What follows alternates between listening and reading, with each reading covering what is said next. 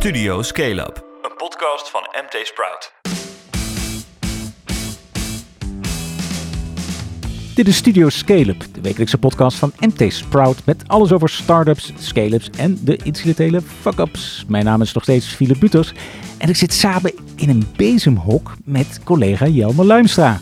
Hi Flip, ja we hebben hier allemaal eh, dozen met oude magazines om ons heen en eh, ik Ja, zie hier een... nee, nee, dit is de officiële studio van Studio Scale-up. eh, ja, dit wordt vandaag. een nieuwe, ja. Ja, Ja, nee, ik Ja, vond het echt niet klinken in het, in het vorige hok. Dus we hebben nu een nieuw hok helemaal ingericht. Wat je zegt, met oud papier. Dat is wat we hier ook nog maken. Allerlei Allemaal gidsen en zo. Ja, ja, ja. Ah, we hopen dat, dat, dat dit helpt. Dat, dat het zo Het heeft wel nog sfeer gezaghebbender. Ja, Ja, en we zitten gezellig. Zolang we bewegen, blijft het licht. Als we te stil zitten, dan, dan zitten we in het donker. Het is heel duurzaam. Nou ja, bij, bij het sfeerlicht van onze laptopjes. Ah, ah fijn. hey, het is goed dat ik je zie, want je hebt het super druk gehad. Hè? Je zat echt ondergedoken ergens. eh. was je bedreigd? eh, Ondergedoken in Oslo. Laatste primeur. Ja. Ja, nee, ik ben bezig met een eh, onderzoekje naar accelerators. De staat van het eh, accelerator landschap. samen met, Accelerators! ja, Stijn Oh. Bronswaar van eh, de NRC. Ja. Oh ja, nou, het is een co-productie, hè? Een co- Het is een co-productie, ja, doen we Ja. samen. Nou, alle andere interviews gedaan. Nou, morgen komt er in ieder geval een stuk op MT Sprout. Dat is En, vrijdag. zaterdag, Ja. vrijdag inderdaad. En zaterdag Hmm. komt er een, eh, een verhaal ook in eh, de NRC. En eh, nou ja, dat, dat kunnen jullie straks allemaal lezen. Ja, nou ja, vooral het, eh, onze verhaal bij MT Sprout. Want jij kiest gewoon echt hè, onze invalshoek vanuit de ondernemers. What's in it for me? Hè? Wat, wat gaat er goed, wat gaat er ook minder goed? Maar dat, we mogen er niet te veel verklappen. Voor Stijn is het vooral NRC, algemeen publiek. Ook goed opgeleid, ook vaak ondernemers. Maar die, die gaat iets meer de breedte in. Nou ja, Daar zitten zo ik- inderdaad wat verschillen in. ik ga, eh, zaterdag Ja. valt hij in mijn iPad en dan ga ik hem zeker, zeker lezen. Maar goed, Hoppa. wat zijn deze week vandaag de main topics? Ja, nou, als eerste van clickbait naar een serieuze nieuwssite en nu weer terug. BuzzFeed kan geen geld verdienen aan serieus nieuws, zo lijkt het. En dan als tweede item. Het begint ergens op te lijken met de zeewier-economie. Een van de rijkste families van België investeert in de Nederlandse start-up Seaweed Company. Tja, en dan hebben we nu ook nog als eh, derde extra bonus topic, eh, ja, Remy Gieling weer. Weer, maar die, die is al lang weg bij MT Sprout, man. Wat moet die... Ja, ja, nou ja, die had dus nog een klusje in San Francisco. En die sprak daar eh, ja, een Nederlander die er al eh 16 jaar zit. En best lekker draait met zijn game scale-up. Oh ja, oh Super Evil Megacorp. Ik ben er zelf ook wel eens geweest. We hebben het over Tommy Krul. Ja, echt een Oh oh topvent. ja. Ja, groot bedrijf Dat daar. is huge, hè? Ja. Dat hoor je ook. Ja, Ja, straks. het zit daar Ik kan niet eens vol met zo. developers. Echt iets van 300 mensen of zo op kantoor. Zitten allemaal games te maken. Best wel cool. Dus, Oké, eh, ja, zin in. straks. We gaan beginnen.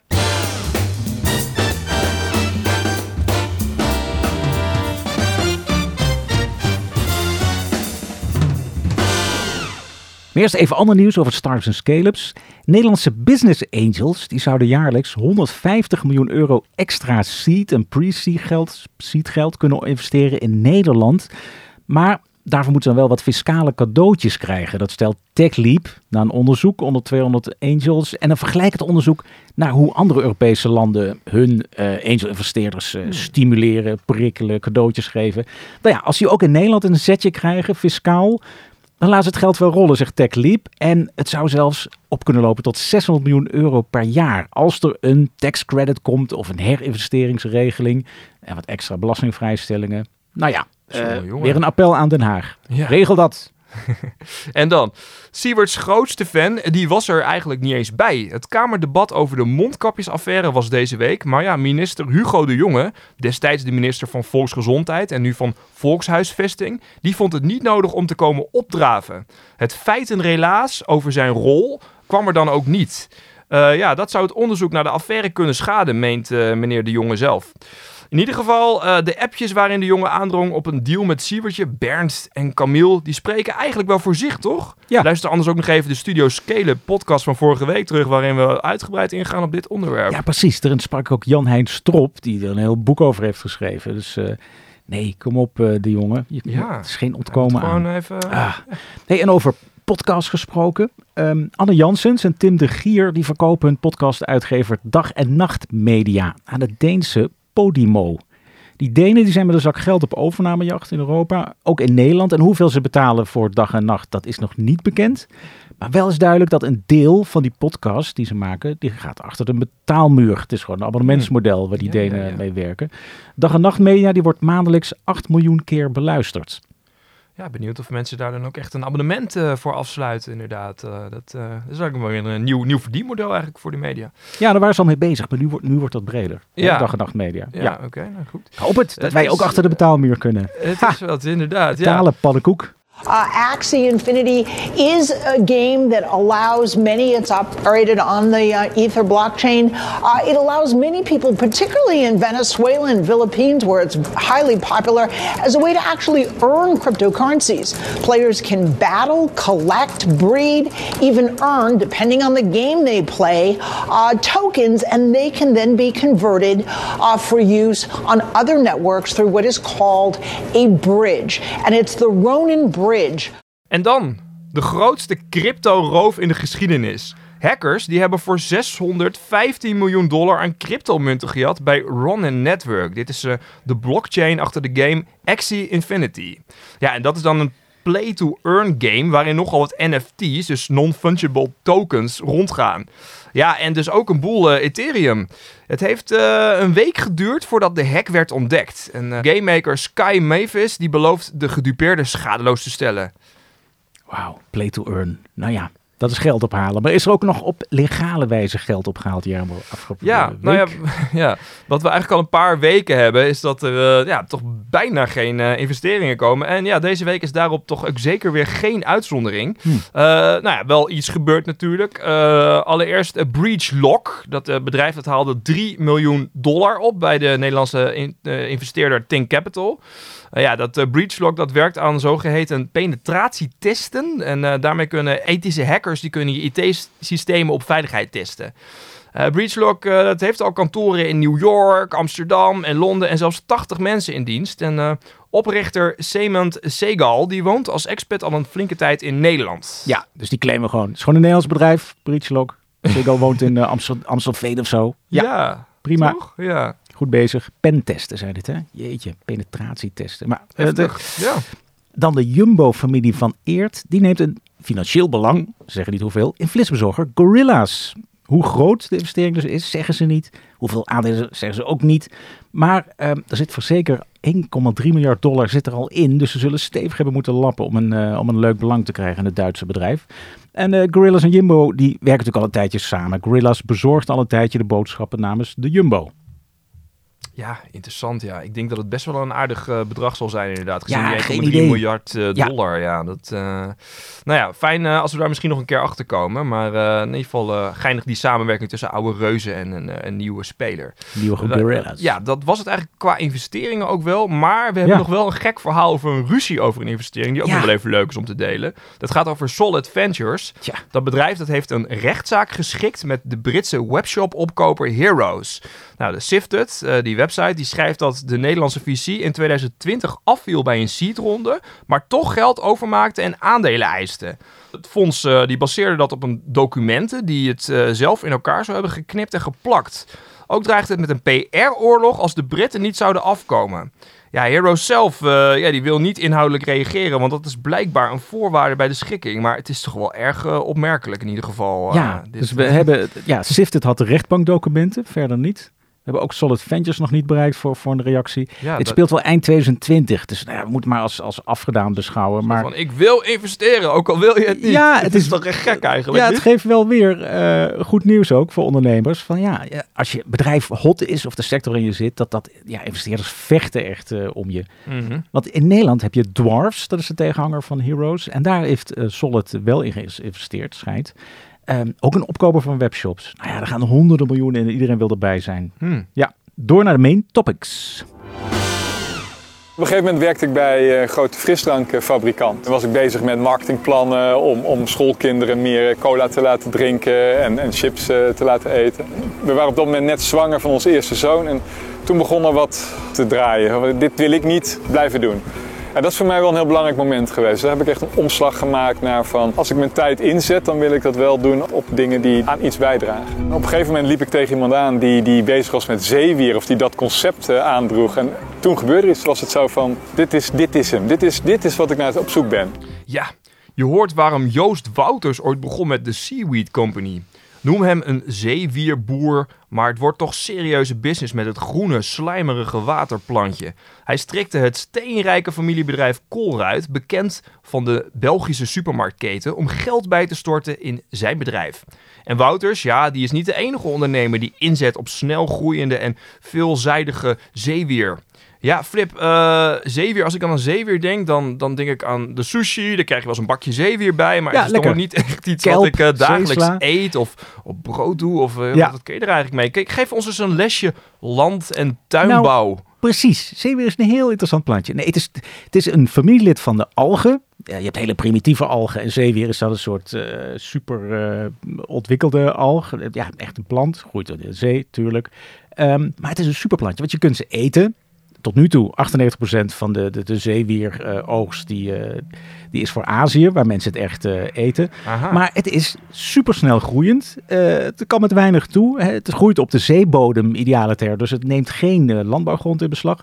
Maar het is dus snel groeiend en het kan eh, een goede bron zijn voor biomassa.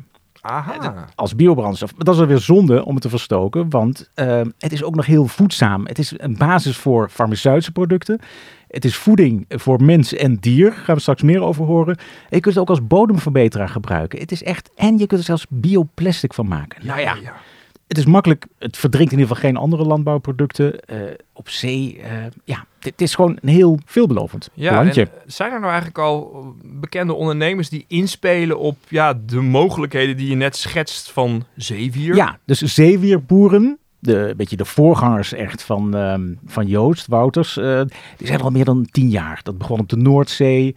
Ehm, je hebt ook al ondernemers die het als eten serveren. Bijvoorbeeld eh, de zeewierpasta van Seymour, van Willem Sodderland. Heel leuk. Eh, ik heb hem ook eh, ge- gekookt, echt getest. Nou, als je hem in de pan gooit, weet je niet wat er gebeurt. Het moet iets langer koken dan normale passen. Maar er komt echt een enorme zee lucht vandaan. Maar de smaak is super lekker. En ook hier weer heel veel eiwitten, heel veel mineralen, ijzer, weet ik veel. En minder calorieën dan de gewone pasta van, eh van durum, van, van, van meel. Ja. En Dutch Wheat Burger, ook een hele mooie, van Mark Kulsdom. Iedereen die naar een festival gaat, die kent het wel. Hè? Ja, Want dat wordt ja. daar overal wel... Het ligt echt eh, in de verkocht, supermarkt. ja. En hij heeft het al verkocht aan Live Kindly, grote investeerder in, in echte, hele, hele duurzame producten. Maar de burger doet het ook prima. Ook weer extra eiwitjes. Super vegan natuurlijk. Hartstikke Ja. mooi. Dus de ondernemers zijn er wel. Hey, en hoe moeten we die Joost Wouters nou karakteriseren? Is dat nou de zoveelste zeeweerboer of doet hij iets bijzonders? Nee, hij, hij pakt het wel vanaf het begin. Zoals hij vertelde, hij, hij was op zoek naar eh, echt veranderen, dingen in beweging krijgen. Nou, die industrie is er nog helemaal niet. Dus hij is als een soort netwerk, soort regisseur, bouwt hij eigenlijk aan, aan een zeewierplatform. Dus eh, hij is al een paar jaar bezig. Hij werkt met heel veel partijen samen. Mhm. Want hij snapt zelf ook, we hebben hem een maand geleden toevallig al gesproken, eh, dat er is nog niks. Dus ik moet het bedrijf verticaal integreren. Dus ik moet de productontwikkeling doen. Ik moet eh, zorgen voor de, voor, voor de afzetmarkt. Moet ik mee ontwikkelen met partners. Dus hij pakt het heel breed aan. Mhm. En dan ziet hij een markt voor blue farming. Dus de zeelandbouwproducten. eh biomassa en, en, en, en allerlei voedingsdingen. En blue health, daar, dat onderscheidt hij ook. Hij ziet een hele kansrijke markt in producten voor gezondheid. Dus die farmaceutische zeewierpillen, weet ik veel. Ja, ja, hij heeft allemaal eh, mooie ideeën. Allemaal, eh, ja, Blue Farm. Klinkt allemaal goed. Maar Ja. verkoopt hij eigenlijk al wat? Ja, dus veel eh, zit in de fase van productontwikkeling. Zo super groot is hij ook niet. Dus dat, dat geld van Colruyt kan hij echt goed gebruiken om meer aan productontwikkeling te doen. Wat hij wel al klaar heeft is groeivoeren, een soort, soort bodemverbeteraar voor planten. Top Health Plants heet dat. En Top Health Dairy, dat is heel interessant, een voedingssupplement voor koeien. Eh, wat extra gezond is, maar wat ook zorgt dat die methaanemissie een beetje omlaag gaat met een derde. Ah. Zo, ja, het mes snijdt aan zoveel kanten. En de boerderijen heeft hij, niet alleen in Nederland, maar ook in Ierland, Marokko, India. Plannen voor Groenland en Zanzibar. Dus ja, hij is wel goed aan het samenwerken en hij heeft echt wel plannen om, om behoorlijk op te schalen. Zo. Ja. Nou, en daar komen die Belgen dus ook bij kijken. Die nemen nu belang van 21% in Seaweed Company. We weten niet voor hoeveel geld. Ze zitten al sinds 2019 erin, dus eh, ja, ze storten gewoon bij. Ze hebben hele diepe zakken. Want de familie Colruyt, die wordt eh, geprikt op 3 miljard euro. De nummer 9 staan ze in de top met de rijkste Belgen. Zeg maar de quote 500 uh, België. Nou, die wil je graag als investeerders. Grappig, want het is dus een, een discount supermarktketen. Hè? Dus eigenlijk zijn het een beetje ja, cheap-ass winkeliers. Maar wat ze wel doen is enorm veel investeren in duurzaam duurzame energie vooral. Ze bezitten vier windparken. Daar hebben ze 700 miljoen gestopt. Ze hebben windparken op land en in zee. Uh, in de Noordzee, Frankrijk, Spanje, Portugal. Dus ze waren al super, super duurzaam bezig. Grappig, Heel gaaf. En ja. hoe moeten we dat met die windmolens dan zien? Komen we er dan tussen? Nou, de windmolens, kan je daar dan ook zee ja, vandaan is halen? Wel, is ja, dat, wel een uh... soort synergie inderdaad. Want uh, tussen de windmolens is de zee wat rustiger. er is dus plek voor ja, mosselbanken, oesterbanken. Oh ja, ja. Belgen zijn er zelf ook mee bezig, nota bene Colruyt, met een test met uh, mosselbanken, waar dan later ook oesters en wier zouden kunnen, kunnen groeien. Dus ja, en die hele Noordzee wordt volgepland met windparken. Dus ja, sorry voor de vogels, en misschien voor een paar vissen, maar voor zeewier biedt dat echt nieuwe kansen. Ja, ja, dat is toch wel eigenlijk wel wonderspul. Ik ben wel benieuwd, die hele um, markt hè, voor zeewier, uh, ja, hoe groot het is, is niet dat nou eigenlijk? hè? Ik zou het zo graag WeTech noemen. WeTech noem je dat, Um, oké. Ja, weet je, net als de, de algen, het, het de debiele broertje zeg maar, dat, dat, de eenvoudige algensoort, um, is het toch een beetje een, een verhaal met een lange aanloop. Mhm. Grote potentie, lange aanloop. Bijvoorbeeld, um, er zijn nog dingen, die, die zeewierboerderijen moeten een grotere schaal krijgen. Dat is nu 1 tot 5 hectare, dat moeten 100 hectare worden. Maar we zijn nog aan het testen hoe je die zeewier uh, zo kunt verbouwen dat hij niet loslaat, dat hij niet op de vlucht laat, zeg maar. Hoe je moet oogsten, hoe je moet verwerken tot al die mooie producten. Nou, er, Hmm. op allerlei terreinen, heel veel partijen zijn er druk mee. Bijvoorbeeld ECN, groot onderzoekscentrum, uh, kennen van Petten, waar ook een kernreactortje staat. Maar juist in Hmm. Petten hebben ze echt een North Sea Innovation Lab staan, waar ze echt heel veel aan de zeewieerinnovatie doen. Allerlei testen doen met Ah, hoe moet je het verbouwen aan de ene kant. Aan de andere kant, hoe verwerk je het tot producten? Tot biobrandstof, wel, tot bioplastic. Want er zit ook heel veel cellulose in en suiker, waar je volgens mij goed plastic van kunt maken. En uh, ook weer, als het klaar is, is het tijd om op te schalen. Als het allemaal is uitgevonden. En de potentie uiteindelijk, nou bijvoorbeeld aan de brandstofkant zou het een kwart kunnen vertegenwoordigen van alle biomassa die we in 2035 uh, op de planning hebben staan. Het is net als met olie. Uh, je kunt het verstoken, maar er zijn dus ook heel veel andere fijne dingen die je mee kunt doen. Dus, uh, Jelmer, um, jij zit bij de Picnic of bij de Crisp, bij de Albert Heijn, maakt niet uit, de Jumbo.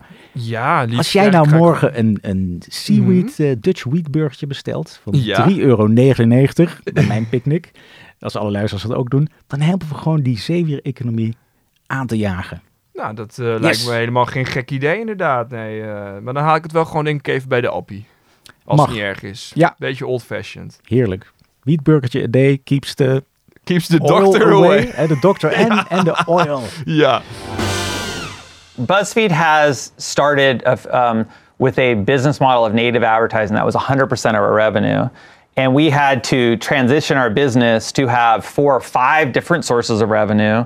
It was a pretty dramatic uh, transformation. We've grown our revenue 10 years in a row. Since we've had any revenue, we've been able to continue to grow it.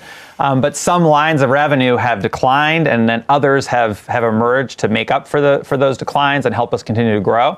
Um, and so, with that much change and shift in our business, we've had to make some unfortunate restructuring and changes um, to be able to set ourselves up for the future. BuzzFeed. Ooit wilde het bedrijf de wereld van de journalistiek vernieuwen, maar nu snijdt het volop in zijn nieuwsredactie. Nieuws, daar valt niet genoeg mee te verdienen, menen ze bij het Amerikaanse bedrijf.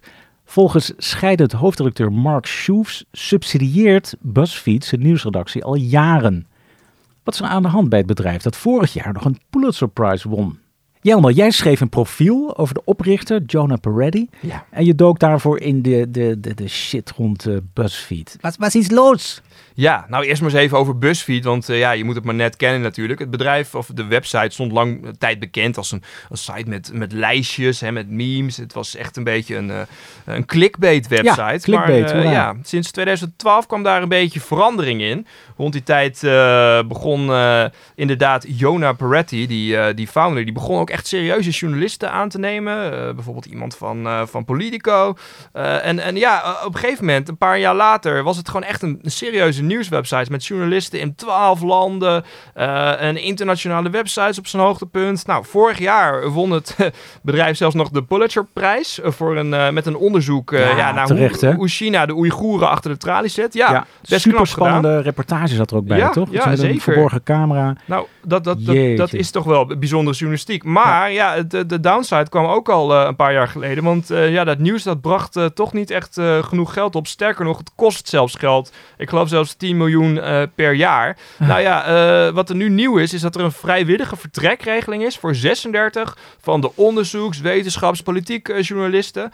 36 van de 100 totale journalisten die daar op, op het kantoor in, in Amerika werken. Hmm. En ja, die topjournalisten zoals die hoofdredacteur, je zei het net al, ja, die vertrokken al eerder, want die zagen erbij al hangen. Nou ja, de vraag is een beetje van, ja, waar komt dat dan door? Ja, oké, natuurlijk, het is de geldreden. Maar ja, aan de andere kant, het de bedrijf verdubbelde vorig jaar zijn winst gewoon naar 25,9 miljoen dollar. Waar dus, verdient het dan wel geld aan? Als, als ja, aan andere, aan andere takken. Ik, ja, gewoon aan advertenties en, en dergelijke, denk ik. Ik weet niet precies. Maar ja, het probleem ligt hem een beetje in de voorspellingen voor dit jaar. want ja, door overnames, want het bedrijf heeft vorig jaar de Huffington Post uh, en een entertainment site uh, Complex Networks uh, overgenomen, krijgt dus een verlies van 15 tot 20 miljoen in het eerste kwartaal.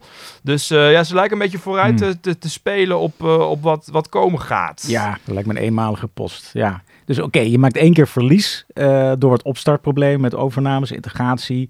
Ja, dan ga je toch niet meteen snijden in je Pulitzer-proof nieuwsredactie. Ik, vind het een beetje zonde. Ja, nou ja, als je, als je dieper inzoomt, dan uh, zou het ook best wel eens met iets anders te maken kunnen hebben. Uh, namelijk met uh, een beursgang die een beetje tegenviel. BuzzFeed is namelijk vorig jaar via een SPAC naar de een, een spec, moet oh, zeggen, naar de beurs gegaan. Zo Altijd drama. Even kijken wat dat, wat dat is. Een, dus een lege beurshols waarbij je aansluit bij een ander bedrijf dat al op de beurs gevestigd is. Het kan gewoon helemaal een, een, een leegstaand bedrijf zijn. Ja, ja een zak met geld heel handig. Je hoeft dan niet een prospectus in te dienen. Hoeft helemaal niet achter uh, allemaal beleggers aan te gaan. Maar ja, uh, ja toch uh, is het ook wel een beetje een risicovol model. Want er zijn best wel wat specs ook een beetje mislukt. Absoluut. En de beursgang die viel uiteindelijk ook tegen. Omdat ja, 94% van de, van de beleggers die bleken op het laatste moment toch de boot af te houden. En ze hebben niet 1,5 miljard opgehaald, maar 16 miljoen dollar. Wow. Dat is best wel weinig. En ja, op de beursdag 1 werd meteen al 40% van de waarde verloren. En het bedrijf wist er niet bovenop te komen. Nou, wat is nou het geval? Uh, eh, CNBC die meldt dat uh, ja, aandeelhouders, het BuzzFeed-ondernemer Jonah Peretti, hebben aangedrongen om die gehele nieuwsdivisie maar te verkopen. En dat zou dan 300 miljoen aan uh, marktwaarde kunnen toevoegen, waardoor ja, de beurskoers weer wat omhoog zou komen. Okay. En ja, Peretti lijkt daar dus deels wel wat gehoor aan te geven, want ja, BuzzFeed wil nu ook meer gaan inzetten op korte video's voor social media. Uh, ja, dat kost natuurlijk een stuk minder. Maar ja, uh, je hebt dan natuurlijk niet uh, dezelfde inhoud als bij echte onderzoeksjournalistiek. Je bent er geen Pulitzer Prize mee, zeg maar. Nee, gewoon puur, ja, het is een soort bleeder. Die moet de deur uit om, om de beleggers te behagen. Ja. Maar jongen. Ja. Maar ja, korte video's, clickbait. Ja, het is toch heel wat anders dan, dan, dan harde, diepgaande nieuwsverhalen. Um, die redactie, kan me voorstellen, die zijn niet zo heel blij. Ja, nou dat, eh, dat klopt inderdaad. Zij zien dit als uh, de zoveelste bezuiniging. Nou, ik heb even gekeken wanneer uh, ging eerder het mes in, in de operatie bij BuzzFeed. Nou, in 2017 gingen er al 100 medewerkers weg. 2019 nog eens 200. En uh, ja, telkens ook een goed deel van de journalistieke redactie. En uh, die Peretti die heeft het in, uh, vorig jaar zelfs best wel pijnlijk gemaakt door, wat is het, 47 medewerkers een, een wachtwoord te sturen. Spring is here. Als ze die openden, kwamen ze in een online omgeving waarin ze ontslagen zouden worden. Jeetje. Dus ja, dat is ook niet altijd even tactisch gegaan, heb ik het idee. Ja, leuke tip. De journalisten die zijn nu een vakbond begonnen, de BuzzFeed News Union. En ja, die hebben een stemming gehouden en 90% van de leden die stemden deze week in met een staking. Nou, eh, waar, uh, waar staken ze dan voor? Ja, uh, ja, inderdaad. Ja. Voor betere lonen, betere voorwaarden, bescherming van de leden. En ze zijn vooral heel kritisch op die investeerders. Ze zeiden deze week in een, dat berichtte de New York Post. Ze zeiden, we will not stand by as another venture capital vulture tries to pick apart a crucial newsroom. like many have done with local papers across the country. Dus ze zijn echt Vrij kritisch, ja. Jeetje, ja, dat lijkt een beetje, een beetje Wall Street, een beetje jaren tachtig. Dus we hebben de arbeiders op de werkvloer, dat zijn wij dan, de tikgeiten, tegenover de, de investeerders, het, uh, de vultures zelfs, de gieren. Wie, wie zijn die aasgieren? Ja, het gaat altijd weer uh, in golven inderdaad. Ja, wie, wie zijn die aasgieren die ze Die, ze die aasgieren, ja, dat zijn dan toch wel weer wat uh, modernere namen misschien dan in de jaren tachtig. Het zijn allemaal van die typische tech-investeerders. De grootste aandeelhouder, uh, in ieder geval degene die het grootste bedrag heeft geïnvesteerd, dat is Andreessen Horowitz. Die zit voor 850 miljoen in deze operatie. Maar ook bijvoorbeeld Softbank, die grote Japanse investeerder, of Redwood Capital, ook een naam die je vaak voorbij hoort komen. Ja, voor mij zitten er wel iets van 20 investeerders in, als het er niet meer zijn. Um, ja, een, een, klassieke investeerder misschien dan. Uh, eh, NBC Universal, toch echt een uh, oude medianaam. Media. Die zitten ook voor 200 miljoen in. Dus maar ja, goed, er zit dus aardig wat, wat geld in, uh, in dit bedrijf. Ja, en trouwens, ehm, hallo, Jeff Bezos, Red Washington Post. ja. was het? Ja. Ehm, Benioff heeft Time gekocht. Maar er zijn natuurlijk ook maar ja, goed, dat zijn dan de, de, de billionaires die, die het wel uh, goed doen. Met, ja, die met, echt uh, inzetten op de journalistiek. Maar dat is, lijkt bij uh, BuzzFeed een beetje de andere kant op te schieten, inderdaad. Maar goed, Jonah Peretti, toch de oprichter. Daar verwachten we dan wel wat, wat, wat goede daden voor. Um, die moet dus kiezen. Gaat hij voor zijn redactie, de werkvloer of echt het product, hè, de nieuwskant van het product? Of ja. laat hij toch de oren hangen naar de geldschieters? Wat, hoe schat je dat in? Ja, uh, ik denk dat hij voornamelijk toch wel uh, nu naar de geldschieters aan het luisteren is. En uh, nou ja, ik heb het al gezegd inderdaad. Ik heb een, een, een, een, profiel ook geschreven over de man. Ik heb me een beetje verdiept in, zijn, in hoe hij er doorgaans in staat. En het lijkt er wel een beetje op dat hij ja, toch wel vooral geeft om het marktbelang van zijn nieuwsdivisie en minder om het echt het, het, uh, harde nieuwsbelang. Hij ja. zei al in 2015 uh, tegen uh, The Guardian bijvoorbeeld dat ja, zouden ze alleen geven om puur verkeer, dan zouden ze zich beter puur op entertainment kunnen richten. Maar ja, nieuws, dat, zo stelt hij, dat zorgt voor herhalingsbezoeken en het stimuleert gebruik. Dus dat is toch weer een vrij zakelijke reden om voor nieuws te gaan. En, ja, dat mag. Niet echt een ja. reden waarmee de Pulitzerprijs zou winnen. Maar ja, goed, je, het, dat mag ook, maar het geeft in ieder geval wel aan dat hij er wat uh, zakelijk in staat. En ja, de New York Times bijvoorbeeld, die noemde hem ook al eens een viral marketing hot dog. Wat ik ook wel een grappige titel vind. Zelf vond hij die titel misschien niet zo mooi, want uh, in 2020 viel hij de New York Times best wel hard aan in een interview. Ja, dat, uh, die, die grote krant, dat zou een beetje wat, wat uh, ja, links van het midden eenvormig publiek ja, ja. hebben. En ja, allemaal hebben ze een abonnement. Dus ja. wat bereik je ermee? veel, misschien veel jongeren, zo stelde hij, die hebben misschien niet zo'n abonnement. Dus kunnen die dat dan wel lezen. Ja. Hij zag zelf BuzzFeed als een uh, mooi uh, alternatief. Uh, ja, dat is dan nu toch wel een beetje pijnlijk. Want de New York Times die tikte afgelopen maand de 10 miljoen abonnees aan. Terwijl ja, BuzzFeed de zoveelste reorganisatie ja. in zijn nieuwsroom doet. Dus ja, je kan je dan toch een beetje uit concluderen dat ja, zonder een goed idee dan uh, en zonder goed te investeren vooral in je uitbreiding, ja, dan winnen dus wel de mammoeten het van, uh, van de techbedrijven die ook aan nieuws willen gaan doen. Echt, ja. Mainstream media. Ja, oké. Okay. Ja. Dankzij presidentsverkiezingen en, uh, en dankzij corona ook laatste jaar. Maar nee, heel knap van New York Times. Ja, jammer van BuzzFeed. Maar ja, goed, gelukkig zeker. hebben wij hele geduldige aandeelhouders die het nog even met ons aanzien, toch? ja, nee, we maken geen verlies. Maar van geluk spreken. Maak geen verlies, maar we kosten ook geld. Dat snappen we. Daarom, snel door. We moeten ons geld verdienen. Oh ja, met Remy. Want terwijl wij hier zitten te zwoegen, is onze razende reporter Remy Gieling weer een stukje verder gefietst door San Francisco. Je hoorde hem vorige week al. Maar hij is nu binnengestapt bij Tom Krul, een gameveteraan. Die ooit in Nederland begon bij Guerrilla Games, wereldberoemd. Maar die zit alweer 16 jaar met zijn eigen bedrijf in Silicon Valley. Dat is trouwens goed te horen. Super Evil Megacorp. Oké, Remy, kom er maar in. Ja, ik zit hier met uh, Tommy Krul van de Super Evil Megacorp. Corp, uh, een befaamde game developer. Tommy, alweer 16 jaar in de Bay Area. Ja, dat is, dat is juist. Super Evil Megacorp. Wij maken online multiplayer games. Uh, de, de, de game die, die uh, enigszins bekend daarvan is, is, is genaamd Vainglory. En, en toen het uitkwam was het een van de meest succesvolle online multiplayer e-sports op, op, op mobiel. En een meest succesvolle game, waar moeten we dan aan denken in aantallen? Het, het, is lastig om te zeggen, want games gaan natuurlijk uh, door, door fases heen van you know, de opbouw en dan de, hun piek van hun, uh, van, van hun populariteit. En dan natuurlijk ook na een tijdje gaan ze weer wat omlaag. Ik geloof dat op het piek hadden we iets van 3 miljoen dagelijkse spelers. Ja, je zit alweer uh, 16 jaar in de, in de VS, de Bay Area. Wat, wat, wat, wat trek je zo aan, aan, aan, aan, ja, aan dit gebied? En uh, wat maakt dit zo ontzettend leuk en fascinerend om hier juist te ondernemen? Dat is een goede vraag. So, toen ik in Nederland woonde nog, uh, werkte ik bij een bedrijf dat heet Guerrilla Games. Waar waarschijnlijk een aantal van je, van je luisteraars wel mee bekend zijn. Ze maken Killzone en recentelijk Horizon Zero Dawn. Geweldig bedrijf. En ik, ik, ik heb nog goede vriendschappen met veel van de mensen die, die daar werken. Um, maar voor mij wilde ik altijd mijn eigen uh, bedrijf starten. En dus na een aantal jaar bij Guerrilla Games uh, ja, was de roep van, van, het, van het avontuur.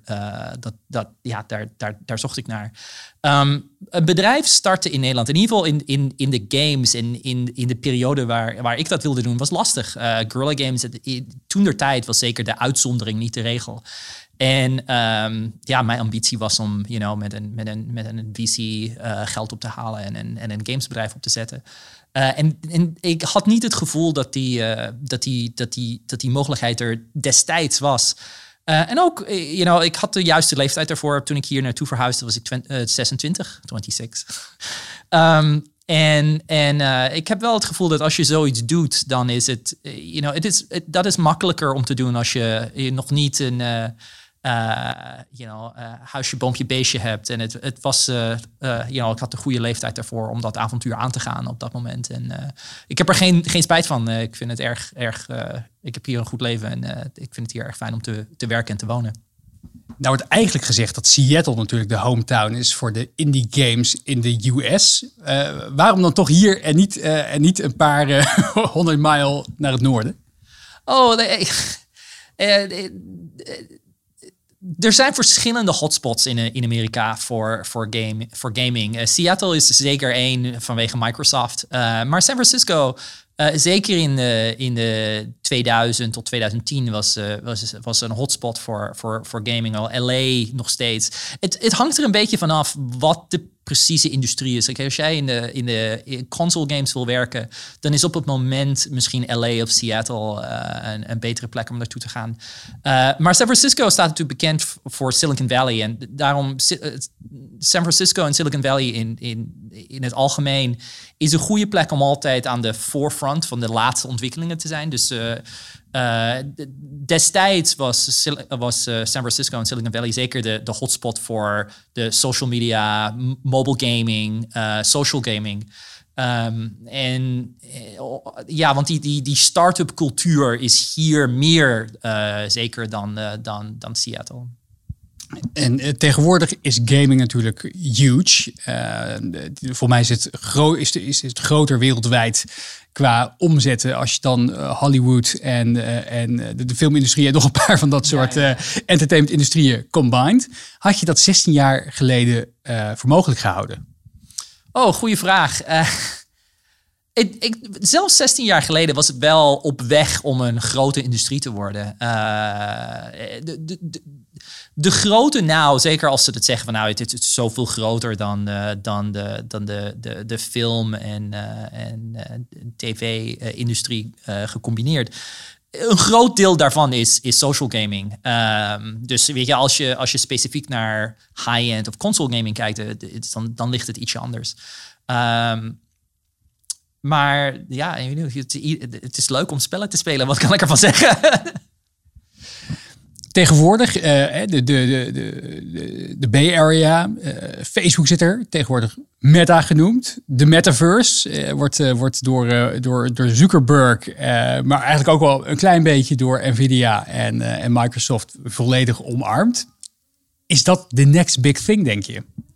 Oh, next big thing. Het is, heel, het is heel onveilig om, om inschattingen te maken over wat de next big thing is. Um, voor mij de, de metaverse in, in, in, in veel opzichten is een marketingterm. En um, you know, als je op het moment uh, geld op wil halen met financierders, uh, dan, you know, eigenlijk ben je bijna verplicht om een, om een angle te hebben op de metaverse of op crypto. Want dat is op het moment gewoon waar het geld naartoe gaat. Maar elke twee, drie jaar zijn die, zijn die termen anders. Weet je, als je dat uh, you know, vier jaar geleden had gedaan, dan was het AR en VR. Als je het vlak daarvoor had gedaan, dan was het mobile gaming. Als je het vlak daarvoor had gedaan, dan was het social gaming en social media. Um, dus you know, like, uh, als je een, start-up hebt, je gebruikt de metaverse. Als het, als het, als het past, gebruik het als een, uh, als een marketingterm. Um, op een, op een praktische manier. Maar, maar voor mij, zeg maar, de, de Mark Zuckerberg-visie van Ready Player One. En we zitten allemaal met een uh, VR-headset op ons hoofd. en dat is hoe we sociaal met elkaar omgaan heel, heel praktisch gesproken, voor mij is dat nog heel ver weg. Want you know, de, de, de discomfort, uh, het ongemak van dat soort gevallen. Het is eigenlijk, denk ik, veel meer een, een hardware probleem nog steeds dan een software probleem. Weet je wel, in, in de videogames-industrie online multiplayer gaming. Know, dit, maken we al twintig jaar. Uh, en als je naar de laatste generatie uh, van, van videogames kijkt, als je naar een Horizon Zero Dawn kijkt van, van Guerrilla Games, weet je, dit is ontzettend realistische high-end visuals. Het is ongelooflijk duur om te maken. Maar het, is technisch gesproken mogelijk. Um, om een VR-ervaring prettig te maken dat is eigenlijk nog steeds heel groot, voor een heel groot gedeelte een, uh, een, een hardware probleem. En een tweede, tweede kanttekening die ik altijd bij zeg maar, de, de, de, de, algemene versie van de soort de marketing of, of, of uh, metaverse heb, is dat heel, een groot deel daarvan is interoperability. Um, en dat is ook moeilijk om te zien hoe dat uh, zich, zou, zich zou vormen. Want ja, voor, voor een individueel bedrijf um, is het logisch om een, om een you know, online uh, virtuele wereld te maken. Maar het is veel lastiger om al die virtuele werelden met elkaar te combineren. Op één manier, omdat you know, als, als je als bedrijf daarin investeert, wil je graag die gebruikers voor jezelf houden. Maar ook puur technologisch. Uh, you know, die, die online vir virtuele werelden die zijn niet met elkaar compatible. Elk karakter, elke, alle network uh, traffic, alle encryptie, alles is anders uh, tussen deze verschillende werelden. Je, je, het, is op het moment technologisch absoluut niet mogelijk om van Roblox naar uh, Facebook Meta te gaan en dan uh, in World of Warcraft te stappen. Like dat, dit zijn you know, walled gardens en for good reasons. Dus voorlopig nog geen super evil megacorp games in de metaverse. Nou ja, het ligt er een beetje aan hoe je er naar kijkt. Zoals ik al zei, wij maken online, online multiplayer games. So als je, you know, like, als, je, als je het gevoel hebt dat, uh, dat online multiplayer gaming, dat dat jouw versie van de metaverse is, dan, maken wij al tien jaar lang metaverse games. Uh, ja, ik, persoonlijk noem ik ze online multiplayer games. Laatste vraag. Um, ja, je, je, hebt, je woont al 16 jaar hier. Je hebt ooit een keer de mogelijkheid gehad om bij een Apple keynote op het podium te staan. Je ging nog wereldwijd viral als uh, Scarf Guy, begreep ik. Uh, wat is je persoonlijke hoogtepunt uit, ja, uit, uit de Bay Area in de afgelopen 16 jaar geweest? Wow, hoogtepunt. Nou ja, dat, dat, dat, de, de Scarf Guy-affaire, wat dus inmiddels bijna zes of zeven jaar geleden is, uh, was wel het meest bizarre wat er inderdaad ooit met mij gebeurd is. Uh, um, we, we lanceerden destijds inderdaad Vainglory en, en als onderdeel daarvan hadden, had ik een, en mijn bedrijf een, een hele nauwe samenwerking met, met Apple voor het, ont, voor het ontwikkelen van onze game en game engine om dat op Metal, wat hun destijds hun nieuwe graphics API was, te porten. En om, omdat het allemaal in zulke, you know, uh, in het geheim moest gebeuren, zat ik in een hele donkere kamer voor twee weken lang. Uh, in volle airco, want je zit natuurlijk in, you know, de, in de BR, dus het was hartstikke warm buiten, met zonder ramen. Dus, dus voor die twee weken had ik, ja, had ik een, had een sjaal om. En echt, gewoon, we hebben letterlijk tot de, tot de nacht daarvoor zeg maar, gewerkt. 12 uur, 13 uur per dag. Om die, om die demo, uh, demo klaar, te, klaar te krijgen voor de presentatie. En op een of andere manier, die volgende morgen, morgen heb ik gewoon hetzelfde aangetrokken als, als wat ik elke dag aan had. Want het was hartstikke koud in die, in die kelders van Apple. En, uh, en ja, en voordat ik het wist, uh, had geloof ik mijn, mijn sjaal op, uh, op social media meer following dan de hele Apple keynote. Um, ja, ik, ik denk niet dat ik ervan wegkom dat ik, eh, dat ik op een of andere manier daarvoor eh, herinnerd zal worden. Mooi, dankjewel. Dit was Studio Scale-up, aflevering 48. Vergeet je niet te abonneren op Spotify of je favoriete podcast-app. Deel de podcast ook vooral met je vrienden, kennissen en kom met feedback of vragen. philip.mtsprout.nl Jelmer, bedankt dat je hier was in dit donkere bezemhok. ja. hey, en je famous last words? Ja, nou ja, ik ga zomaar weer even snel verder achter mijn computer. De laatste puntjes op de i Ja, zetten aan het tikken, accelerator stuk. Morgen online mensen, dus dan, eh, dan kun je het allemaal lezen. Precies. Je kost alleen maar geld nu. Tijd dat je ook wat oplevert. Nee, ik, ik ben echt heel benieuwd naar eh, ook vooral wat ondernemers vinden van accelerators. Wat heb je eraan? En, wat, eh, en welke moet je mijden? Ja, nou, ik, nou goed. dat weten we allemaal vrijdag, zaterdag en NRC.